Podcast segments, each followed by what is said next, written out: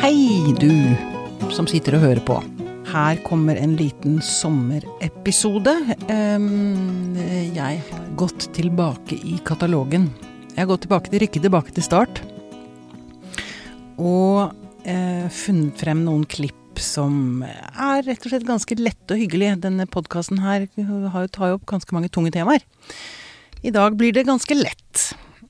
Eh, og det er bare meg her i studio, helt alene. Men nå tenkte jeg rett og slett at jeg også kunne benytte anledning til å fortelle litt om prosjektet. Det er kanskje litt selvopptatt, men det er veldig hyggelig å liksom ja, se tilbake. Huske. Eh, første episoden av Pia og psyken ble publisert rett før jul i 2016. Nei, 2015. Kunne husker jeg ikke. Ja, anyway, der omkring. Jeg hadde jobbet med prosjektet i flere måneder. Jeg hadde fått med meg psykiater Anne Kristine Bergem, som var huspsykiater i over 90 episoder. Og eh, selv om jeg ikke helt visste hvor dette bar hen, så visste jeg noen ting. Og det var, det ene jeg visste, var at jeg skulle være åpen om mitt. Skulle jeg lage noe sånt nå?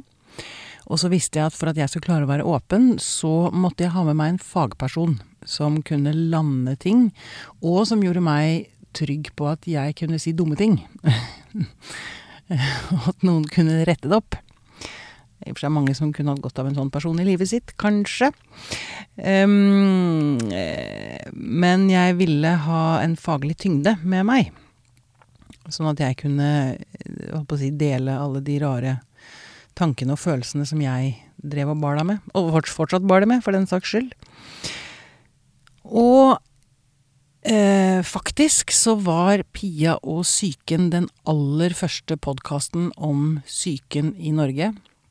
Jeg har faktisk vurdert å sette et stempel oppå logoen hvor det står 'Den originale psykepodkasten', men det hadde kanskje blitt litt mye. Anyway, gjennom hele veien så har jeg vært åpen om min diagnose.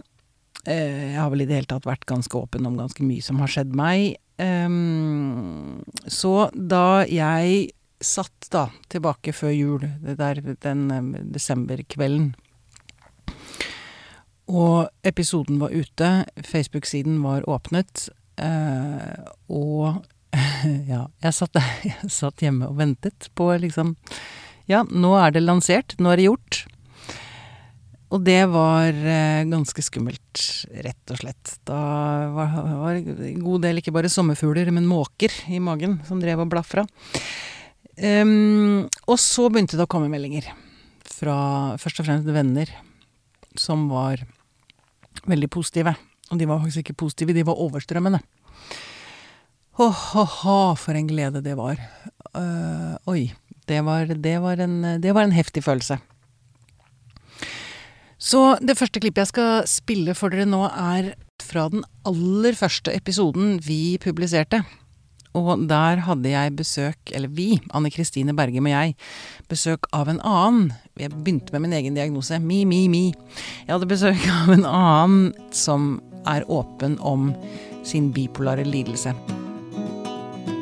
Første episode i Pia og psyken, så har jeg gleden av å sparke i gang serien med en partner in crime. Rigmor Galtung, som også har en bipolar 2-lidelse. Velkommen hit! Yeah! Take it away! Grazie mille! Hallo, hallo! Her skal det bli gærne folk en Du, time, si. du, er på, du er på oppsiden av deg sjøl du nå, ikke sant? Du er på høy, nivåer. Jeg er på en høy bølge, jeg Nei da. Nei, jeg er, vel, jeg er vel ganske normal i min hypomani, tror jeg. Ja, hypomani. Det er vel jeg pleier å være. Og det er cue til huspsykiateren. Kan du fortelle hva Altså depresjon vet alle hva er, men forskjellen på hypomani og mani, det er jo, en, det er jo oppsiden, holdt jeg på å si, ved bipolar lidelse. Ja, og hypomani, det er jo når man har det bra og har ekstra mye energi. Eh, Så du kan si det er jo den positive tingen ved, ved bipolar lidelse. Det er jo for mange de periodene de har den hypomane fasen, fordi at da er man litt overmenneske. Litt overmenneske. Men når går det over i Eller når går det over i mani? Det er jo når man mister litt grepet om virkeligheten. Og når det begynner å gå utover dømmekraft. Det begynner å gå utover forholdet til andre mennesker. Og for noen så kan det jo ta av såpass at man faktisk blir psykotisk en periode. Ja, for det er siste stopp, holdt jeg på å si. Eller heldigvis ikke. høydemeter, eller hva det blir. Ja, og det, det pleier å være ganske fælt for de som er i det. For at da mister man eh, ikke bare kontakten med virkeligheten, men man kan også miste seg sjøl. Og det er eh, ingen god opplevelse, og det er heller ikke godt etterpå. Fordi at man kan jo ha kommet til å både gjort og sagt ting. Og som du sa i introen din, jeg tror kanskje at noen av de dumme tingene som du beskrev, kanskje har eh, skjedd i de fasene hvor du fase. har vært i mani. Ja, Men jeg, jeg har én ting som jeg har lyst til å si, Ja. bare sånn for å blande meg litt her, da. Blande. Det er, for jeg er jo nesten er så jeg er psykiater, dette her har vi holdt på med så mange ganger. Nei da. Jeg husker jeg, min tidligere psykiater, han sa til Mm. meg, Kristina, at um, det å være hypoman det er en del av en personlighet, og det er ikke sykt. Og jeg syns Mm. Det det, er så sykt, viktig. nei. Det er ikke nei, sykt. Mm. det er ikke sykt. Og, for jeg tenker at det er innmari viktig når man sier bipolar lidelse, og så slenger man på hyp- hypomani som om det er sykt. Men det er jo manien som er syk. Mm. Så jeg tenker hypomani, det er liksom litt sånn eh, da har man jo en viss kontroll, kontroll ikke sant? Jo, Ja, jeg, jeg må bare lyst til å skyte inn nå for å avbryte. Jeg, jeg er uhøflig programleder. Ja, det- Beklager det. Men eh, er greit. Vær så god. jeg har jo vært hypoman nå i disse siste ukene hvor vi har jobba med dette. Og jeg hører på ting jeg har lest inn eller sagt, så hører jeg at jeg er ganske mye mer stressa. Ja. Og det liker ikke jeg. Eh, da føler jeg meg sjuk. Men da er jeg kanskje opp mot grensemani, jeg vet ikke. At, for det, det er, det er ikke, man er jo ikke enten manisk eller hypoman eller deprimert eller psykotisk. Altså det er jo ikke klare grenser mellom disse. Nei. Nei, det, og det er jo glidningene, og det er jo de man trenger å kjenne. Fordi at sånn som, sånn som du, Pia, du kjenner jo igjen når du er på vei fra den ene fasen til den andre. Og da kan du gjøre ting som er eh, bra for deg. Sånn at du slipper å havne i manien. Ja, det kan vel diskuteres hvor flink jeg er til akkurat det. Men det hopper vi elegant bukk over. Rigmor var dog ikke den første som sa ja til å bli med. Hun ble den første episoden, men hun var ikke den jeg spurte først. De to første jeg spurte, det var Else Kåss Furuseth og Kristoffer Schou. Og begge disse to fine folka sa ja til å stille uten at noe var publisert, uten at de ante egentlig hva det dreide seg om. Altså, jeg hadde jo fortalt dem at jeg hadde en bipolar lidelse, og jeg hadde lyst til å lage en podkast om psyken, men de stilte opp. Det er så kult. For en respekt jeg har for folk som hjelper andre mennesker. Det er kult, det. I dag har vi gleden av å ønske velkommen til denne podkastseriens aller første mann. Og for en mann! Takk for det. Takk for det. Kristoffer Schou. Ja, Um, takk for at jeg fikk komme. Veldig koselig. Ja, veldig, Og veldig rart å bli spurt, men veldig hyggelig. Er, blir, blir du redd for at jeg syns psyken din er rar? Eh, du Nei, jeg bare Jeg føler meg ikke akkurat som et eh, fagpersonell. Eh, Nei, du er ikke, det er ikke du- du- fa, Faget ivaretas av Anne Kristine.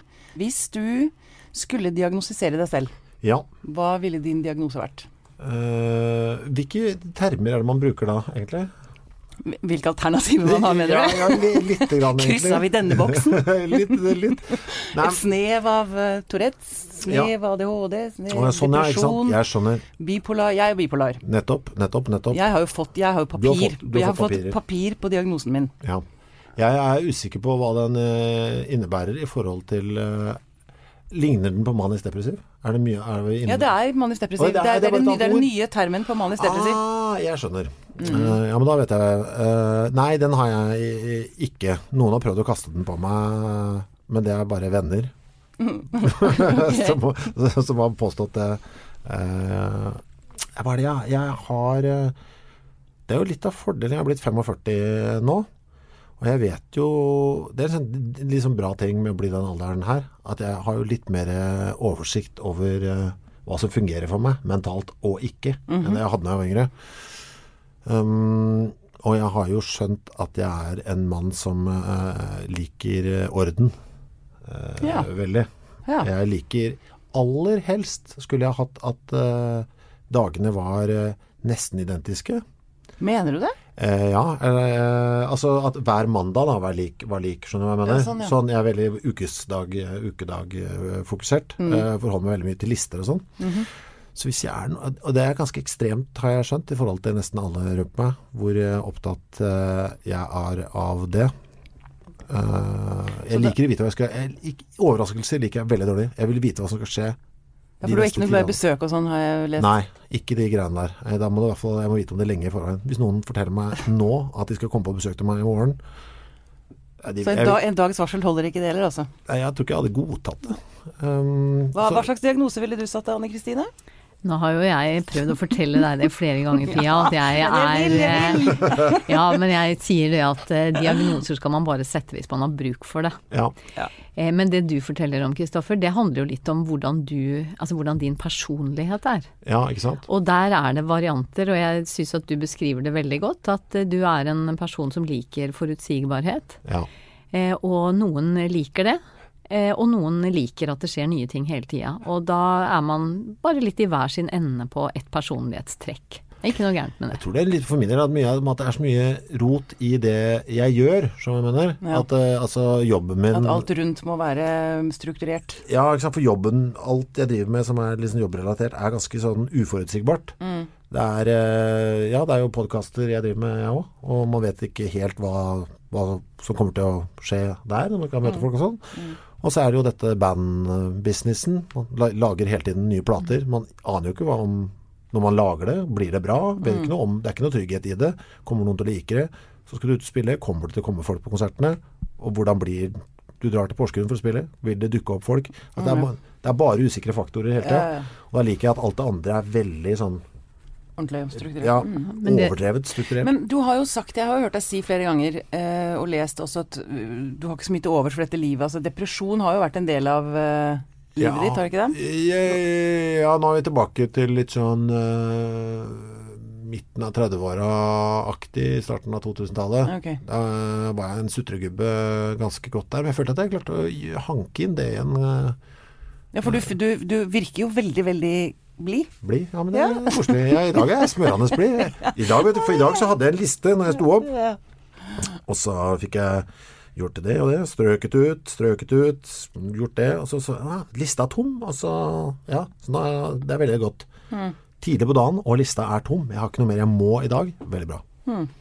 Nettopp. Så måtte jeg dessverre føre på et par ting som jeg kom på i stad, på morgendagens, men eh, det skal gå. Men sånn som i denne boken um, 'På vegne av venner', Ja. Da skriver du eh, jo at du må skape for å holde deg unna depresjonen. Ja. Ja, men det, det, er sant. ligger vel kanskje noe Det er veldig sant. Det er også litt, men det tror jeg også Det er også sånn gamlis-greie som har kommet, at jeg har liksom skjønt åssen jeg fungerer, på en måte. Ja. Og fikk tatt de grepa der sånn for sånn fem-seks år siden, kanskje. Eller noe sånt. Ja. Man, ja, man rota seg inn i sånne sirkler av klønete ting som man, ble dårligere og dårligere humør av. Eh, og er Så jeg- hvilke sirkler? Nå er jeg ikke med. Nei, men eh, altså, man, du, ikke, du kjenner at du ikke har det så bra som du burde, så må du tenke ok, hva, Så da satt jeg meg tenkte, hva er det som alltid gjør meg i godt humør? Ah, okay, sånn, ja. Det er disse tingene her. Ok, da må jeg gjøre mer av det. Hva det jeg ikke liker? Og jeg, ikke, jeg liker ikke det rotet og de greiene der. Du tok rett og slett ansvar for ditt eget liv. Ja. Nå Ja, ja, jeg måtte egentlig det, altså. Mm. Eh, Sånne opp, Det syns jeg egentlig jeg gjør ganske ofte. Eller eh, jeg har sett meg når jeg tenker sånn Det der er ikke noe Nå er det noe som skurrer. Nå må jeg tenke Ok, hva er det jeg liker? Ok, jeg må gjøre mer av det. Dette pleier alltid å funke. En annen ting som, er, som jeg syns er fascinerende med deg, det er at du eh, Veldig mye Jeg tenker at du oppsøker ubehag. Ja, det har jeg gjort mye. Jeg har det, Og, altså. og går liksom, du presser deg selv til langt over yttergrensen. Jeg lurer på hva, hva, det du, hva var det du lette etter der? Hva var det du ville oppnå? Ja, det er veldig spesifikt for hver enkelt ting. Eh, hvilken, skal, hvilken er det du tenker på? Kan Nei, nå, altså Forfallsprosjektet var vel Ja. det, det var ett Ja. som er veldig tydelig. For, ja, ikke sant? Forfallen, det Det var Ja, da bodde jeg jo der i butikkvinduet på Karl Johan. Mm. Og så skulle jeg se hvor mye det var mulig å forfalle i løpet av en eh, uke. fysisk og psykisk. Ja. Men det var det, fordi det var så Det var så dumt på en eller annen måte. Ja, okay. det føltes så gøy fordi det var så dumt. Ja. Uh, Men da var jeg, hvor gammel var jeg da? Da var jeg ni Nei, det var, ja, jeg var et par og 30 kanskje. Ja. Eh, men det, på det tidspunktet tror jeg jeg følte meg nesten helt sånn uovervinnelig. eh, Egentlig før jeg fikk noen som helst uh, smak på at livet kunne være vanskelig. Så det tror jeg var rein hybris altså, fra min side. At vet du hva, ja, ingenting kan skade meg. Da hadde jeg altså så mye dårlige ideer som gudskjelov ble stoppet fra NRKs side. Uh, så det Ja. Men du liker yttergrenser. Du liker, Ja. du liker å, å gå imot uh, det synes- normale, eller Jeg syns det er spesielt gøy å gjøre ting som uh, Som jeg vet kommer til å irritere folk, men som egentlig ikke har noen grunn til det. Altså, det eneste jeg skader oppi dette Hvis jeg gjør et eller annet som jeg vet kommer til å irritere veldig mange, men den eneste som det egentlig går utover, er meg sjøl, ja. det syns jeg er ganske gøy. Uh, for da tenker jeg da burde dere Ja, da burde dere ikke irritere dere så mye over dette, for dette, det, det, det er bare meg det går utover nå. Etter de seks første episodene så hadde vi et ganske langt opphold. Det skjedde ting, og jeg trengte litt tid til å områ meg. Så gleden var stor da vi endelig kom tilbake på lufta. Og denne gangen var det Else Kåss Furuseth som var første gjest. Det er altså noe med henne, Else. Man føler seg alltid så bra når man er rundt henne. Hun er så utrolig flink til å løfte folk. Og her eh, igjen blir jeg litt eh, selvopptatt. Det må dere bare leve med. Men hun evnet da også her å sette ting i helt riktig perspektiv. Saken er den at vi lanserte jo Vi har jo eh, publisert seks episoder. Ja. Og så fikk jeg masse god respons. Og nå har jeg fått skrekken. Har du fått skrekken nå? jeg har fått skikkelig skrekken. Jeg tenker gud, jeg, kanskje jeg ikke klarer å levere like bra. Hva gjør jeg med en sånn skrekk? Eksponeringsterapi vil jeg anbefale. Ja, det er vel at du må Men du har jo fått god respons. Ja. Og da, og, og så, men nå har du hatt en liten pause, er det derfor du Det er pause, ikke sant. Nå er det sånn Jeg Ja. tenker at det er liksom bok to. Ja, så da, men du er ikke på bok to. Beklager, men seks episoder i en podkast er ikke en bok. Nei. Jeg tenker jo nå, nå er det jo veldig podkast i vinden her nå, men det er jo, du har jo bare så vidt startet, må du tenke. Ja. Og så tror jeg at du må ikke være, prøve da å ikke være så selvbevisst. Nå sier jeg det samme til deg som jeg sier til meg selv. Ja. Ikke være så inni din egen navle, og tenke at det ikke er så veldig viktig. Dette Og ikke om meg. tenke at det å lage en podkast om psyken er jo viktig uansett. Ja. Så dersom du gjør det litt dårlig en dag, så er ikke det så farlig, for ideen er såpass god. Ja. Eh, og du er bare en eh, Du er bare den som holder den derre fakkelen. Det er ikke du som er Lillehammer-OL. Du er bare den som holder fakkelen. Godt Du er bare bilde. litt brikke i ja.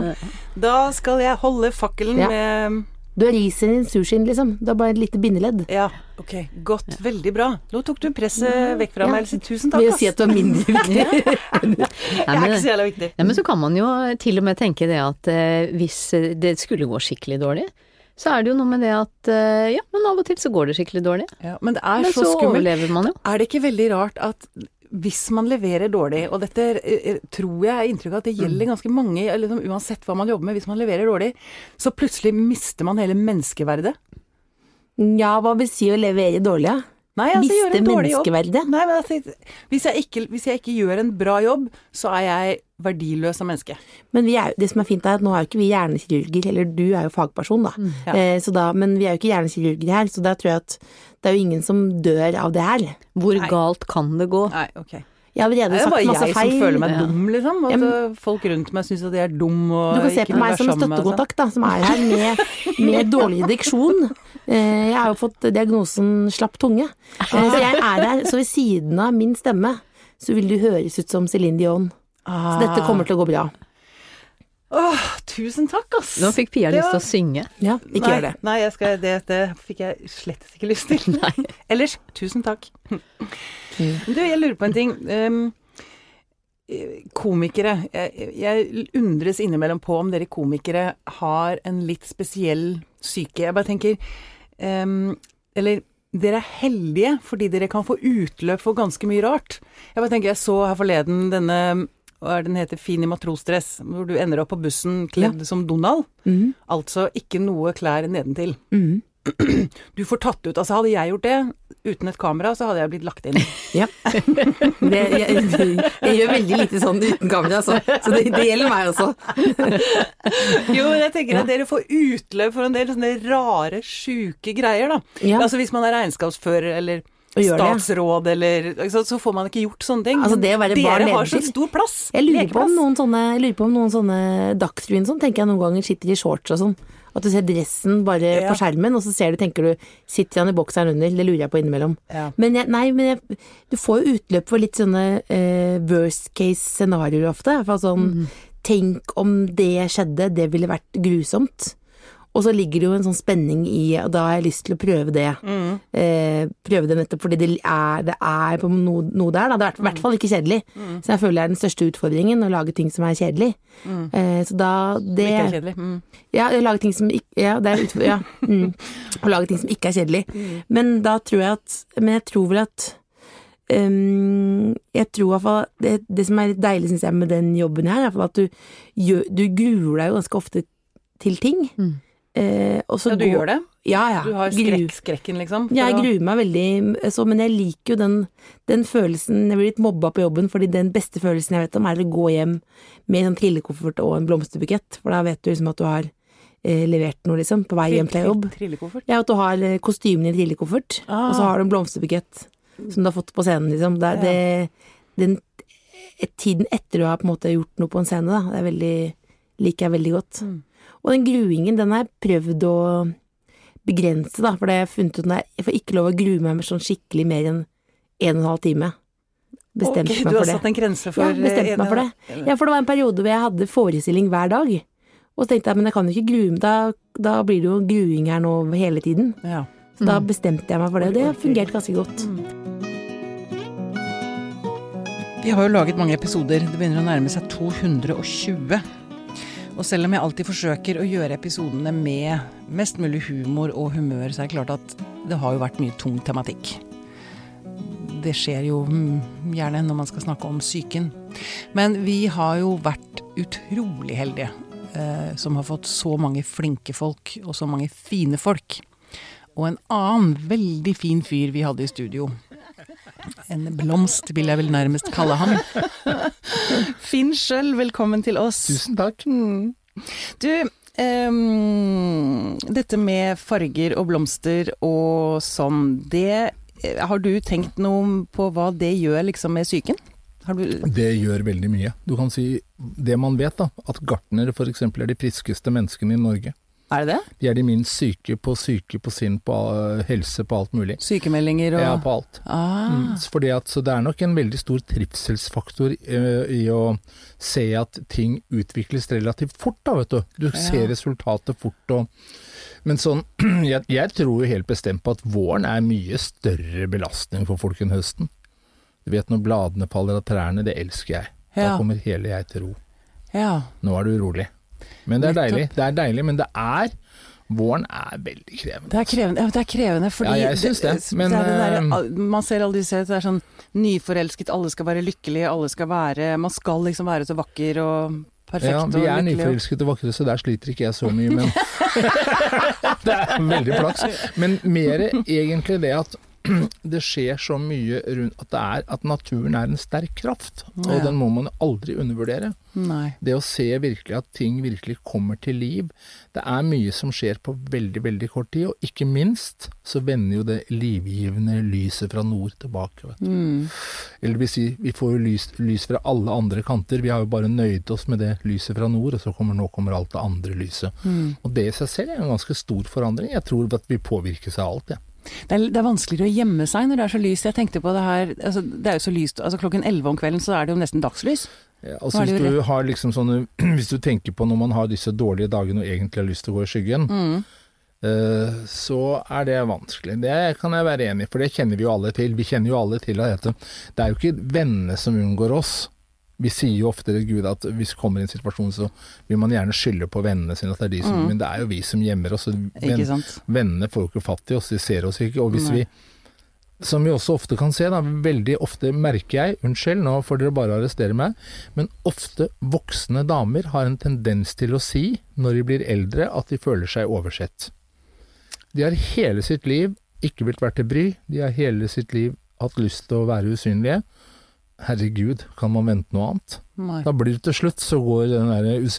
Så det er jo noe Hvilken type du er, hvordan du takler ting. Mm. Og jeg tror at nesten alle mennesker må, løser tingene på sin måte, så det som er vanskelig eh, for deg, da, det behøvde jo ikke være noe vanskelig for meg. Jeg ville jo kanskje finne en løsning på det fort. Ikke du, så jeg tenker at noen grunngitte ting har du i livet, og andre har du ikke. Rett og slett. Ja, men du tenker at eh, voksne kvinner som føler seg oversett, da får de se og bli sett, da? Eller ta på seg en lille Ja, hatt, nei, men du kan, ha lave, du kan ikke ha lekt usynlig et helt liv, eller ikke skulle vært i bry og ikke stikke deg frem, eller ikke ha lyst til å være noe som helst. Altså med en gang, bare for nå kan jeg ta, og jeg nevner ved navns nevnelse, det er jo den store grusomme tingen med meg. Vi tar Lill Bendris, som aldri har vært redd for å syntes. Hvor mye pepper har ikke hun fått? Eli Hagen gikk med for høyt hår. Skjønner du? Altså Folk begynte å angripe håret til et menneske. Det var jo helt latterlig. Men hun torde å være synlig. Hun vil aldri bli oversett. Hun ja, behøver aldri å sitte med det. det Så hun det. har en fordel, men hun har måttet betale en pris. Det må jo alle som skiller seg ut. Ja. Alle, og det vet vi. Jeg skiller meg ut på min måte. For det har vel du, har du også fått pepper? ja da, selvfølgelig har jeg det, men det tåler jeg jo. Mm. Gud, jeg har jo pepra folk sjæl, så jeg må bare holde kjeft. ja, jo da, men det har jo, det har jo bare Det er ikke alltid alle ord som er stygge som er ment stygt, da. Mm. Og det er jo ikke alle, vi har jo, vi har jo mange Vi kan si mye stygge ting på en veldig pen måte innimellom òg. Ja. det, det er lett å pynte bruden noen ganger. Mm. Men jeg tenker liksom så, vi har forskjellige utgangspunkt, så jeg tenker alltid det er lurt at vi tenker det da når vi møter mennesker. Mm.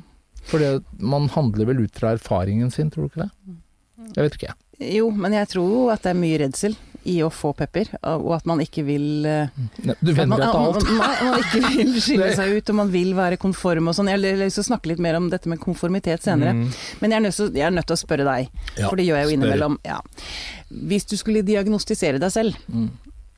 hvilken diagnose ville du satt? Du vet, jeg har jo et selvbilde som er svært, svært ute av kontroll. så jeg vil nok si at jeg er supersunn, altså. Superfrisk. Ja. Det er jeg nok. Jeg har sterk syke. Jeg har eh, tykk hud. Mm. Jeg eh, har eh, Jeg kan bli såret, selvfølgelig, og det er ganske voldsomt òg. Mm. Jeg liker ikke at noen legger ord i munnen på meg, f.eks. Da blir jeg bare irritert. Mm. Hvis for, eller hvis du sitter og sier noe nå, og så kanskje du legger på 'ikke sant', da må jeg protestere jeg, hvis jeg er uenig. Å, Jeg klarer ikke å la være. stryke ut alle Nei, ikke sant i manuset mitt. Nei, men skjønner du? Nei, men da klarer jeg ikke, fordi at det, da tenker jeg hvis jeg ikke sier noe da, så er det sånn at den som tier samtykker.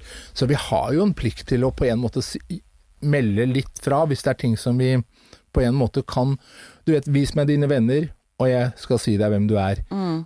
Uh, det kan jo være ganske belastende.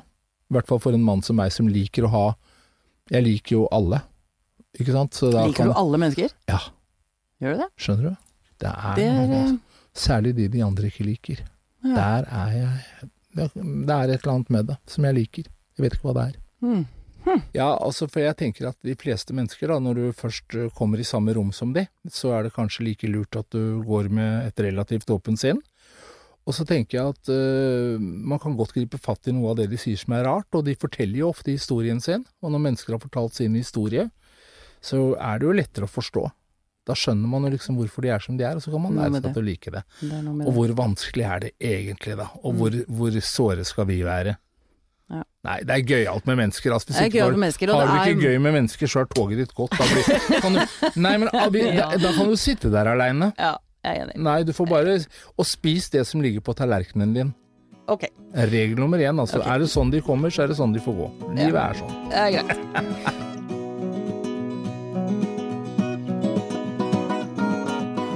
Og så den siste av eh, disse rosinene i denne pølsa, nemlig Thomas Seltzer. Du, eh, Thomas, skal jeg si én ting jeg liker innmari godt med deg. Det er mye jeg liker med deg, men det er én ting som jeg liker veldig, veldig godt. Vet du hva det er? Ja, hår. Og veldig, veldig pen på håret. Ja. Det var ikke det jeg mente, altså. Nei. Du svarer på mailer. Å ja. Og du svarer nesten med en gang. Ja, det er, virker som det er nesten det arbeidsdagen består av, si. Ja, er det det? ja? Mm. For det er så mye. Ja, det er ikke sånn der eh, enormt press for at jeg er så populær, eksempel, men det er, vi bruker jo med mail mye internt eh, i vår redaksjon, eller sånn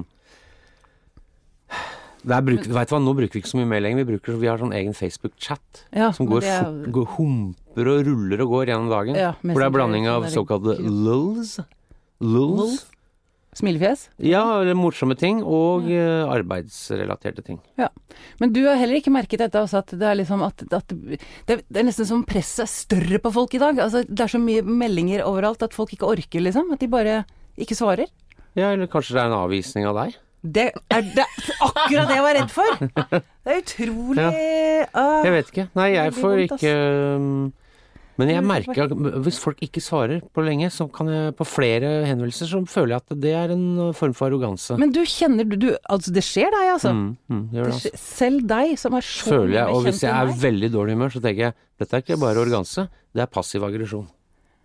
Nettopp. Det er et stilltiende fuck you. Ja, nettopp. Takk skal du ha. For jeg tenker at det spiller ingen rolle hvor pen, rik, sexy, hot du er, ass. Svarer du ikke på mailer, da eh, Det slår beina under alt du er. Da har du, mangler du respekt for mennesker. Ja. Ok, det var dagens lille raserianfall. Få det ut. Katarsis, som det heter. Katarsis. Mm. Så nå, nå har jeg fått det ut, så skal jeg aldri snakke om det igjen. Du, eh, Eller er katarsis, som de sier i Somalia, hvor de tygger katt. Nei, jeg, må, jeg er glad i ordspill. det er veldig, jeg, jeg liker det òg, egentlig. Eneste med det er at du slår meg ut av bane her. Fortsett. Takk. Du, jeg må, jeg skal jo Jeg må jo alltid be folk om å diagnostisere seg selv. Mm. Eh, jeg har lyst til å begynne Jeg tenker at eh, det jeg har lest og hørt og sett av deg, så er det mye melankoli som har vært gjennomgående i ditt liv. Ja, eller dysfori heter det. Det er det Det er det motsatte av eufori. Dette har jeg lært meg nå. Ok. Så, og det har jeg vel fått en diagnose på. Det er jo en lettere form for Det er en veldig lett form for depresjon. For at folk bruker depresjonsuttrykket sånn folkelig, og kanskje også diagnosemessig, ganske lett. Men er du deprimert, så er det ganske tungt. Det er sånn at da ser du ikke farger og sånn. Og du kommer Eh, opp av senga, og det er litt Ja, jeg har, sånn- ikke, jeg har vært der med fargene, kanskje, men det er lenge siden. Men jo, jeg, skal jeg dysfo kan være, ha dysforiske episoder. Mm. Litt narsissist, for det er alle som er artister og er på TV og sånn. Bare at mm. folk liker ikke å innrømme det. Mhm. Og narsissisme er jo en spennende diagnose i seg selv, for at den, er, øh, den kan gjøre at øh, du gjør bra ting, for at du liker oppmerksomhet f.eks. Så det kan være en sånn gulrot på en pinne. Mm. Men narsissisme har også en bakside. -hmm. En litt ubehagelig en. Ja, det er jo eh, den selvopptatt inne, altså den, eh, selvsagt den selvopptattheten og alt dette her, eh, som går med eh, Altså at du er eh, solipsist i verste. Altså at du er Du so- flotte ord, sola, sola At du er sola Ja. i universet. Omnipotent. Omnipotent, det vil si at du er, har ereksjon overalt. Men at du mm, Den baksiden er jo Dette har jeg snakka med Finn Skårderud om, den velkjente psykiateren. Ja, vi han var her for et par uker siden. det med narsisten er, er helt innerst inne i narsisten, så er det ingenting.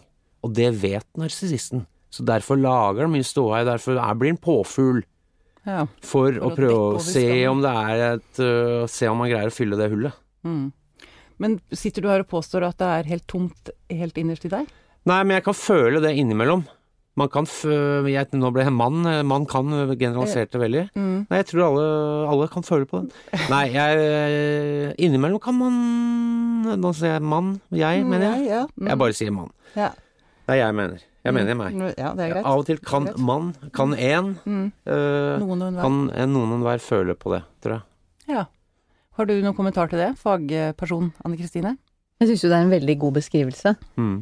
Eh, og det er jo riktig det at mange kan kjenne seg igjen i det, men at eh, jo, jo større man prøver å være på utsida, så Mm. kan man tenke seg at man ikke er så stor på innsida. Mm.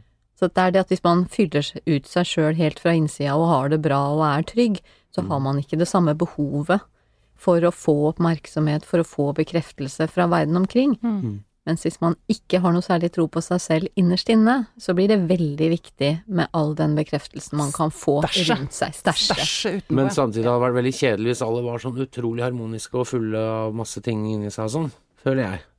Det kan nok være, og det tror jeg er en veldig sånn hypotetisk problemstilling. jeg tror, det ekstreme er for eksempel nå nylig avdøde prins. Prins. Mm. Eh, tung narsissist, antar jeg, Ok. har jeg på følelsen av. Men hadde det ikke vært for det, så hadde vi ikke fått all den fine musikken. Jo, men jeg tror, sånn som jeg leser narsissister Jeg visste ikke at vi skulle snakke om narsissisme i dag. Det er veldig kult. Takk for at du brakte det på Jeg sa i mail enten narsisme eller nazisme. Ljuger òg, du. Hva heter det for noe? Hva er det diagnose er det? Nei, men jeg Narsissisme for meg handler om altså Enten så har du plass til andre, eller så har du bare plass til deg selv. Det er sånn jeg har begynt å skille folk. For altså Én ting er å, å ha lyst på oppmerksomhet og sånn, det er jo ikke noe gærent i det. Men når det kommer til det punktet at du liksom ikke bryr deg om noen andre enn deg sjøl, da begynner det å bli farlig. ikke sant? Da blir det jo skadelig for omverdenen. Stemmer ikke det, Ann Kristine? Jo, og det som er viktig å huske på, det er at altså, narsissisme det har vi alle i større eller mindre grad. Og så har de fleste kanskje bare litt, og så er det noen som har ekstremt mye. Og, og i verste fall så blir det jo sånn at man eh, gir blaffen i andre mennesker, at man bokstavelig talt går over lik. Altså fordi at man blir så opptatt av å fremme sin egen sak, og for å være, og for å være stor og berømt og rik, og at man setter seg over lover og regler og sånne ting, og det er jo ikke bra. Nei. Men eh, Der er ikke du, Thomas. Nei, men da, da er du inne på også Nå har du vel kryssa en grense inn i det dyssosiale. ja, ikke sant? Psykopat. Psykopaten. Ja. Ja, men jeg trodde narsissist og psykopat var noe av det samme. At det, Ja, det er altså, narsissisme er jo en, en, en diagnose, vet jeg, i det amerikanske DSM-systemet. Nå har de fjerna det. Har de det? Fra en av disse store manualene. Har jeg rett i det? i, i, I USA så skal det jo veldig mye mer til for å være narsissist Ja, enn det skal i Norge. Så jeg mener, ting er jo relativt. Det som heter larger than life på norsk, Ja. heter bare life. Det. Ja, det er litt sånn. Det er litt sånn. Life. Men eh, narsissisme eh, kan man si er en diagnose, mens eh, psykopati er mer et syndrom. Sånn at hvis man er psykopat, så har man mye narsissisme. Men man behøver ikke å være psykopat eller ha psykopatiske trekk for å være narsissist. Så det går litt over i Jeg tror vi, på, vi må vie et helt program til dette Ja, en gang. ja, ja, Men vi skal ikke snakke om det nå, altså. vi skal snakke om deg, Thomas Giæver. Det var det for denne gangen.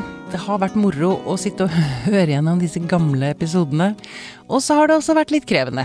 I løpet av disse fem og et halvt årene jeg har holdt på med Pia og psyken, så har jeg jo også blitt slått over ende av en og annen saftig bølge som har slått luften ut av meg.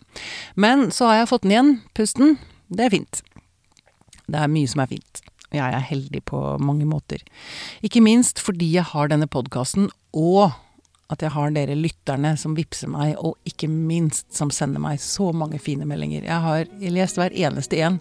Tusen, tusen takk. Det gjør mer enn dere aner. Jeg har lyst til å benytte anledningen til å nevne at den fine kjenningen, musikken til Pia psyken, er laget av Mathias Grinde. Og den utrolig kule logoen som har fulgt meg, den er laget av Alexander Solbakken. Neste uke er Magnus og jeg tilbake med vanlige episoder, og senere i høst kommer også Simen tilbake. Det gleder vi oss til. Og nå skal jeg rett og slett gå ut og spise en is. God sommer fortsatt til hver og en av dere.